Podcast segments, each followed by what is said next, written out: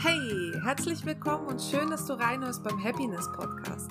Ich bin Melanie, Gründerin von Happy M und in meinem Podcast erhältst du wertvolle Tipps rund um das Thema Happiness in der Arbeitswelt und im Leben allgemein.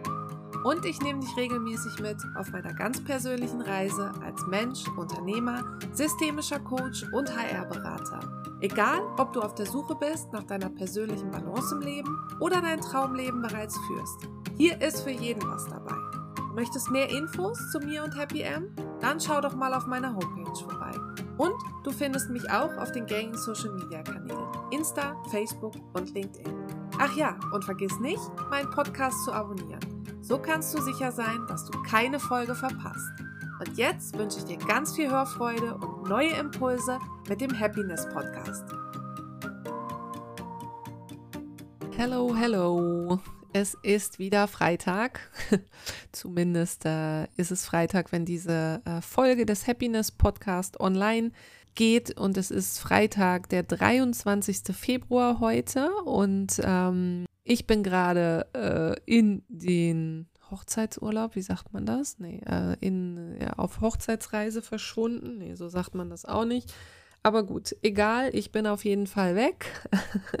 Heute Morgen in den Flieger gestiegen mit meinem Ehemann ähm, nach Nordnorwegen. Und wir haben nämlich letztes, letztes Jahr geheiratet im September, zufällig am 23. September. Und äh, jetzt fünf Monate später, ähm, weil wir gerne eine, eine Winter- Hochzeitsreise haben wollten, eben äh, eine was, etwas verspätete Hochzeitsreise. Und äh, naja, wir sind eben heute Morgen gestartet nach äh, Norwegen. Da wartet in Tromsø unser Mietwagen am Flughafen auf uns und dann machen wir acht Tage Rundreise, ja, durch äh, Nordnorwegen, Finnisch-Lappland, ähm, Husky, äh, Husky, Schlittenhunde, Tour, Wanderung, ähm, ganz tolle Hotels und äh, Ferienwohnungen, die wir da äh, haben und hoffentlich auch Polarlichter. Ich hoffe, dass ich dann in einer der nächsten Folgen berichten darf von den romantischen und tollen äh, Polarlichtern, die wir abends äh, gesehen haben. Aber wir werden sehen. Drückt, ähm, drückt mir die Daumen. Aber gut, das nur als kleine Side Note. Side Note, nicht Not. Ich habe ähm, für euch heute ein Thema, ein tolles Thema, na gut, äh, jedenfalls wie ich finde, mitgebracht und das ist das Thema Werte, Kernwerte, persönliche Werte, persönliche Lebenswerte. Und diejenigen, die mir auf Instagram folgen, die haben wahrscheinlich auch schon den ein oder anderen Post in der Vergangenheit von mir darüber gesehen. Ich arbeite super gerne mit meinen äh, Klienten auch äh, im zum Thema Werte, weil ähm, na, ich habe natürlich ganz viele Klienten, Coaches in meinen Sitzungen, die ja, die sich die Frage stellen, was will ich eigentlich ähm, im Leben, aber auch im Job, ähm, wo, wo, wovon werde ich glücklich, ähm, was gibt mir Zufriedenheit und Erfüllung. Und ganz, ganz oft ähm, ja, müssen wir dazu eigentlich unsere persönlichen Werte kennen, um, um ja, um rauszufinden oder um auf Basis davon dann unser Leben ausrichten zu können. Und ähm, naja, deswegen äh, finde ich das einfach ein ganz, ganz tolles Thema, weil wenn man erstmal, es ist nicht ganz einfach, seine eigenen persönlichen Werte zu ermitteln, aber wenn man sie dann erstmal hat für sich selber, deutlich hat,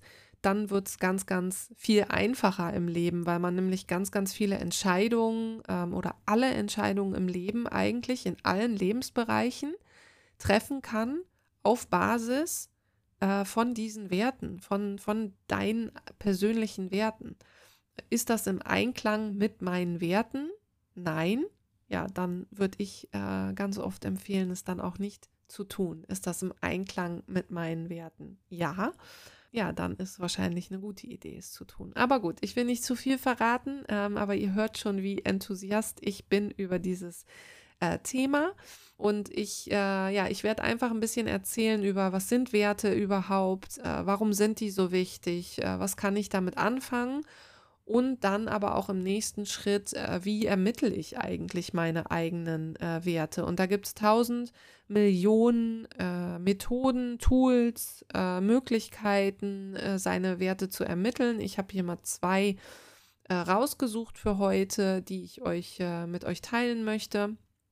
Und dann schaut mal, was äh, am besten zu euch passt. Äh, ja, aber ich würde sagen, wir, äh, wir steigen einfach mal ein. Und was sind Werte eigentlich? Ähm, Kernwerte, Core Values, hä, so schön im Englischen, kennt ihr wahrscheinlich auch äh, aus eurem Unternehmen, wo ihr arbeitet. Hä, das ist immer ein mega Prozess für so ein Unternehmen. Kann man auch gut und schlecht äh, machen, äh, um ehrlich zu sein. Aber viele Unternehmen haben mittlerweile ihre Core Values festgelegt und ähm, auf Basis dieser Core Values bauen sie dann ihr ganzes Business. Wie wollen wir miteinander umgehen? Wie wollen wir mit Kunden umgehen? Wie wollen wir unser Business bauen und so weiter?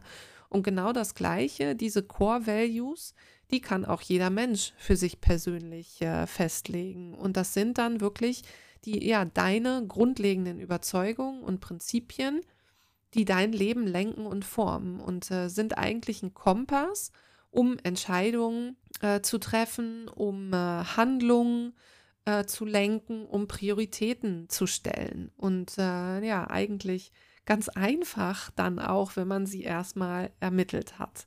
Aber wie ermitteln wir dann diese Core Values, diese Werte für uns persönlich? Und das kann zum einen kann man das machen, um sie, ja, indem man sich die Frage stellt, hä, ähm, was, was finde ich im Leben wirklich wichtig?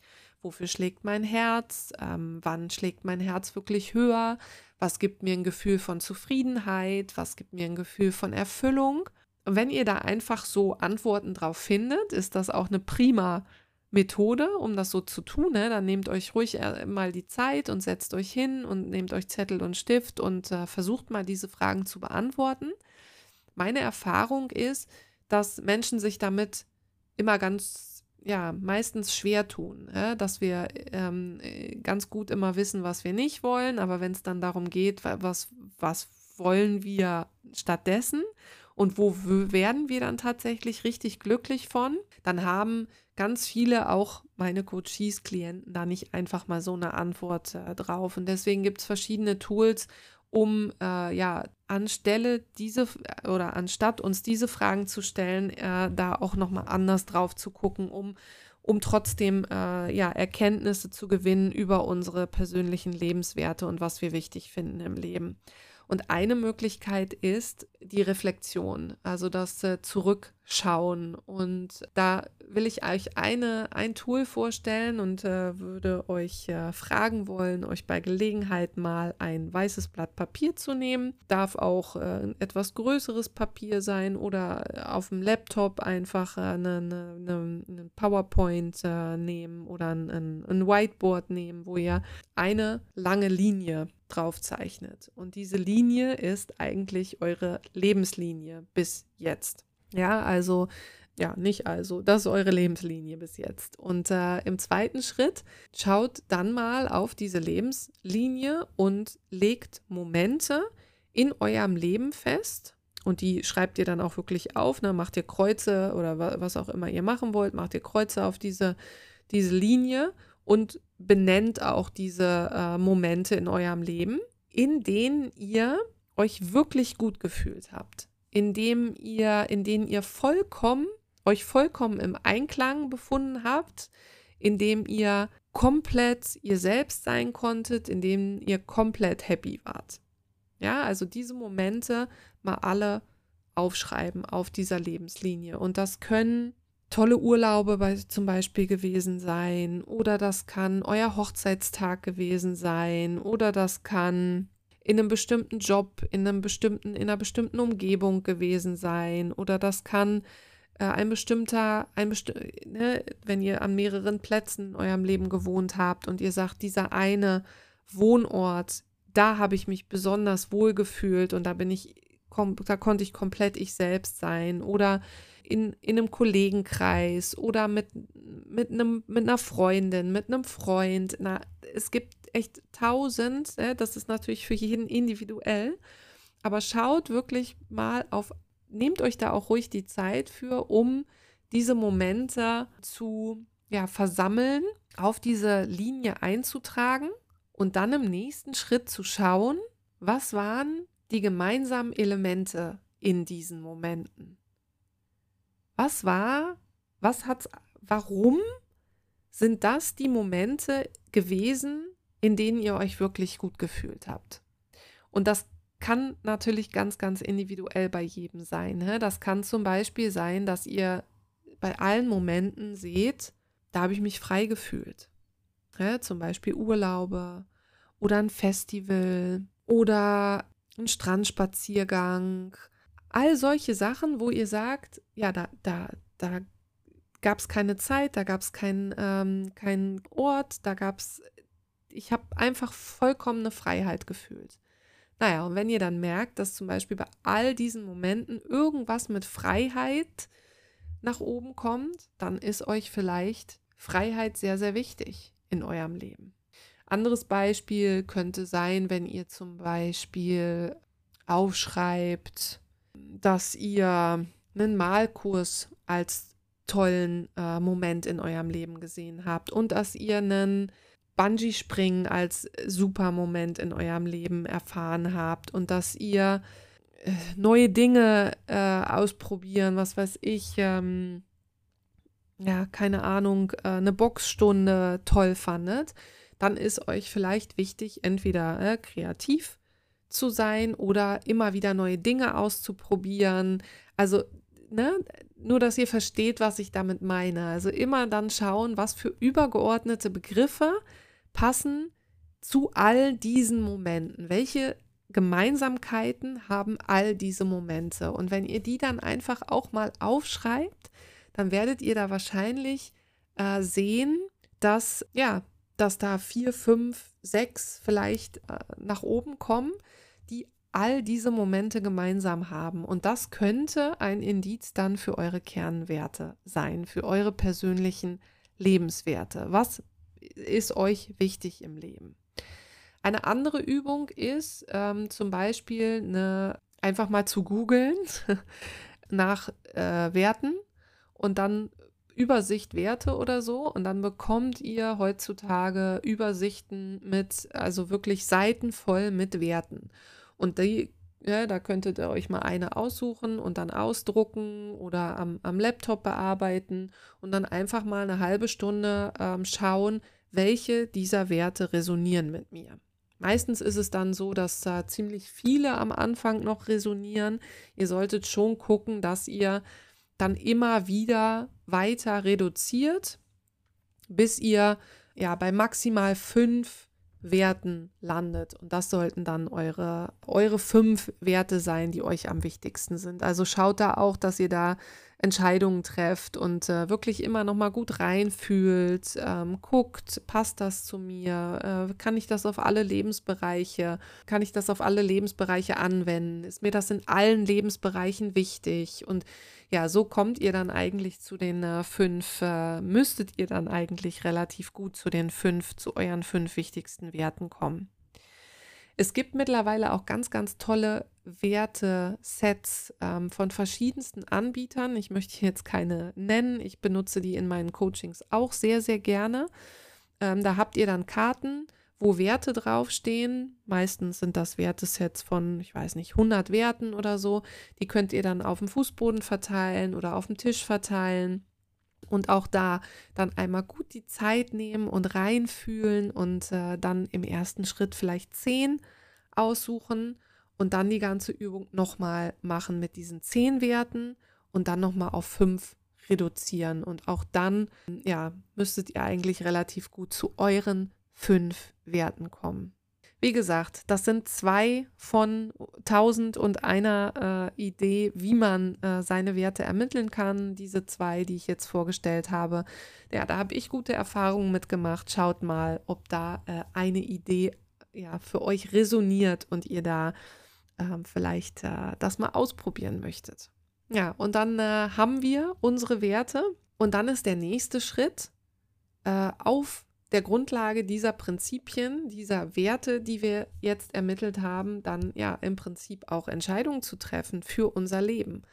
Ja, ähm, um zu schauen, welche Werte habe ich und inwieweit passt mein Leben zu diesen Werten. Und das kann auch dann immer ganz, ganz aufschlussreich sein, wenn ihr zum Beispiel dann erstmal eure Werte ermittelt habt, aber merkt, dass ihr irgendwo in eurem Leben unzufrieden seid dann kann das daran liegen, dass ihr nicht im Einklang mit euren Werten lebt.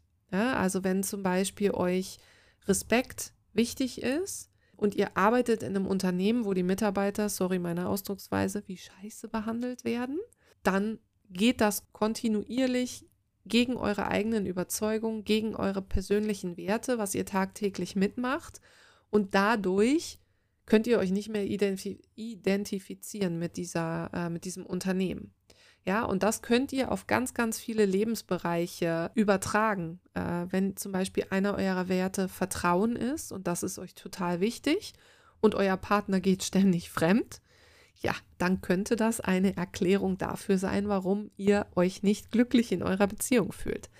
Ja, ähm, also und so könnt ihr durch alle äh, Lebensbereiche eigentlich schauen, wenn ihr erstmal wisst, was sind eure wichtigsten Prinzipien fürs Leben, was sind eure ähm, Werte, dann könnt ihr ganz, ganz viele eurer Entscheidungen, ganz, ganz, ja, ganz, ganz viele Rahmenbedingungen auch eures Lebens auf diese Werte ausrichten. Und je mehr ihr das tut, desto glücklicher werdet ihr sein. Und äh, natürlich geht das nicht von heute auf morgen, das ist mir auch klar. Und der eine ist veränderungsbereiter dann als der andere. Ja, aber auch da geht es einfach auch darum, anzufangen und auch vielleicht klein anzufangen. Es muss nicht gleich morgen äh, die, die, die, Kündigung im Job sein, weil ihr jetzt das Gefühl habt, das passt nicht mehr.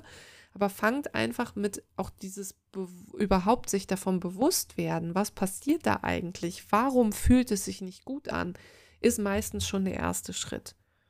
Und ja, probiert es einfach mal aus, würde ich sagen. Und äh, ja, es ist, ja, es ist einfach ein ganz, ganz toller Kompass. Ich habe ganz viel für mich persönlich auch mit Werten gearbeitet und mein Leben immer mehr auf, ja, auf meine Werte ausgerichtet. Zum Beispiel, äh, ich habe, einer meiner Werte ist Autonomie. Und ja, das, das war mir lange gar nicht so klar. Mir persönlich war das lange nicht so klar, aber ich bin eben in jedem Unternehmen, ne, in dem ich gearbeitet habe, als ich noch im Angestelltenverhältnis war, immer wieder zu dem Punkt gekommen, dass ich ja, dass ich mich nicht, dass ich das Gefühl hatte, dass ich mich nicht vollkommen ausleben kann, dass ich nicht vollkommen, ähm, ja, ich die Freiheiten habe, die ich brauche. Und äh, schlussendlich liegt das gar nicht immer dann am Unternehmen, aber wenn man selber so ein Autonomie, so einen großen Autonomiedrang hat, sage ich mal, dann ist vielleicht äh, das Angestelltenverhältnis für einen nicht gerade die passende Option. Und das musste mir aber selber erstmal klar werden. Und seitdem ich das weiß, ja, kann ich auch Entscheidungen treffen. Ähm, auch zum Beispiel in meiner Beziehung ist mir Freiheit total wichtig. Äh? Und äh, ja, habe ich das mit meinem Partner mittlerweile, dass wir, dass ich zum Beispiel auch äh, regelmäßig ohne ihn in Urlaub fahre. Und das ist für alle Seiten völlig okay. Ja, aber das, ja, da, da, da muss man sich erstmal selber auch drüber bewusst sein, was braucht man dann und wo kommt das, wo kommt das eigentlich auch her? Ja, ich, vielleicht interessiert es euch. Ich teile auch gerne nochmal meine anderen äh, Werte mit euch. Also einer ist eben Autonomie. Dann habe ich, dann habe ich einen äh, starken ja, Wert Vertrauen, Respekt, Authentizität. Ich kann es nicht aussprechen, aber ihr wisst, was ich meine. Und neugierig sein. Ähm, nee, Neu, Neugierde, so heißt das, glaube ich. So heißt das auf Deutsch, oder? Ja, das sind meine Werte und da gucke ich regelmäßig äh, wieder hin, ob alles in meinem Leben da irgendwie ähm, ja, im Einklang ist mit diesen Werten. Und wie gesagt, wenn ihr das Gefühl habt, dass irgendwas nicht passt in eurem Leben und ihr habt eure Werte ermittelt, dann ist es immer eine gute Idee, äh, da mal hinzuschauen. Und auch zum Beispiel, wenn ihr nicht glücklich seid im Job und ihr äh, fangt an, euch zu bewerben und äh, geht in die Bewerbungsphase mit einem neuen Unternehmen, in einer neuen Funktion, Nehmt dann auch immer mal eure äh, eigenen Werte mit dazu und schaut, passt äh, das Unternehmen zu meinen Werten, passt äh, die Funktion, die, die Rolle zu meinen Werten, passen die Kollegen, die, ähm, der Führungsstil, na, all diese Sachen. Ähm, ja, da könnt ihr dann schön euren eigenen Kompass daneben legen und schauen, äh, passt das? Und äh, ja, dadurch bekommt ihr hoffentlich ganz, ganz viel Deutlichkeit und äh, könnt ihr Entscheidungen auch in der Zukunft äh, einfacher treffen. Und vielleicht seid ihr auch schon äh, super mit euren Werten, äh, äh, habt ihr die deutlich für euch und arbeitet schon viel damit. Finde ich, äh, würde mich auch interessieren, hä? Wer, ähm, wer, wer kennt Wertearbeit und wer hat da schon viel für sich selber zum Thema persönliche Entwicklung ähm, ja, mit, mitgearbeitet. Ja, und äh, mich würde auch interessieren, wie es äh, euch ergangen ist mit den Übungen zum Beispiel. Teilt gerne alles mit mir. Entweder schreibt mir eine E-Mail, äh, melanie at happym.eu oder schickt mir eine äh, Nachricht auf Instagram at happymelanie oder äh, auch hier unter dem Podcast in den, äh, den QA-Teil habt ihr die Möglichkeit, mir einen Comment zu dazulassen. Und äh, ja, ich würde mich darüber freuen. Äh, mich interessiert das immer sehr zu hören, wie es euch mit diesen Tools und Tipps und äh, Inspirationen ergeht. Aber gut, ich habe schon wieder lang genug äh, geschwatzt. Ich äh, würde sagen, ich entlasse euch ins Wochenende. Ich genieße von meiner ähm, Hochzeitsreise und ich wünsche euch ein schönes Wochenende und wir hören uns nächste Woche wieder im Happiness Podcast. Ciao! Das war wieder eine Folge des Happiness Podcast. Hast du Fragen oder Feedback für mich oder Ideen zu Themen, die du gerne im Podcast hören würdest? Dann schreib mir eine Mail an melanie at happym.eu oder schick mir eine Nachricht auf Insta oder LinkedIn. Hat dir die Folge gefallen? Dann hinterlass mir super gern ein Review, indem du oben auf die 5 Sterne klickst. Nochmals, danke, dass du wieder dabei warst und bis zum nächsten Mal beim Happiness Podcast.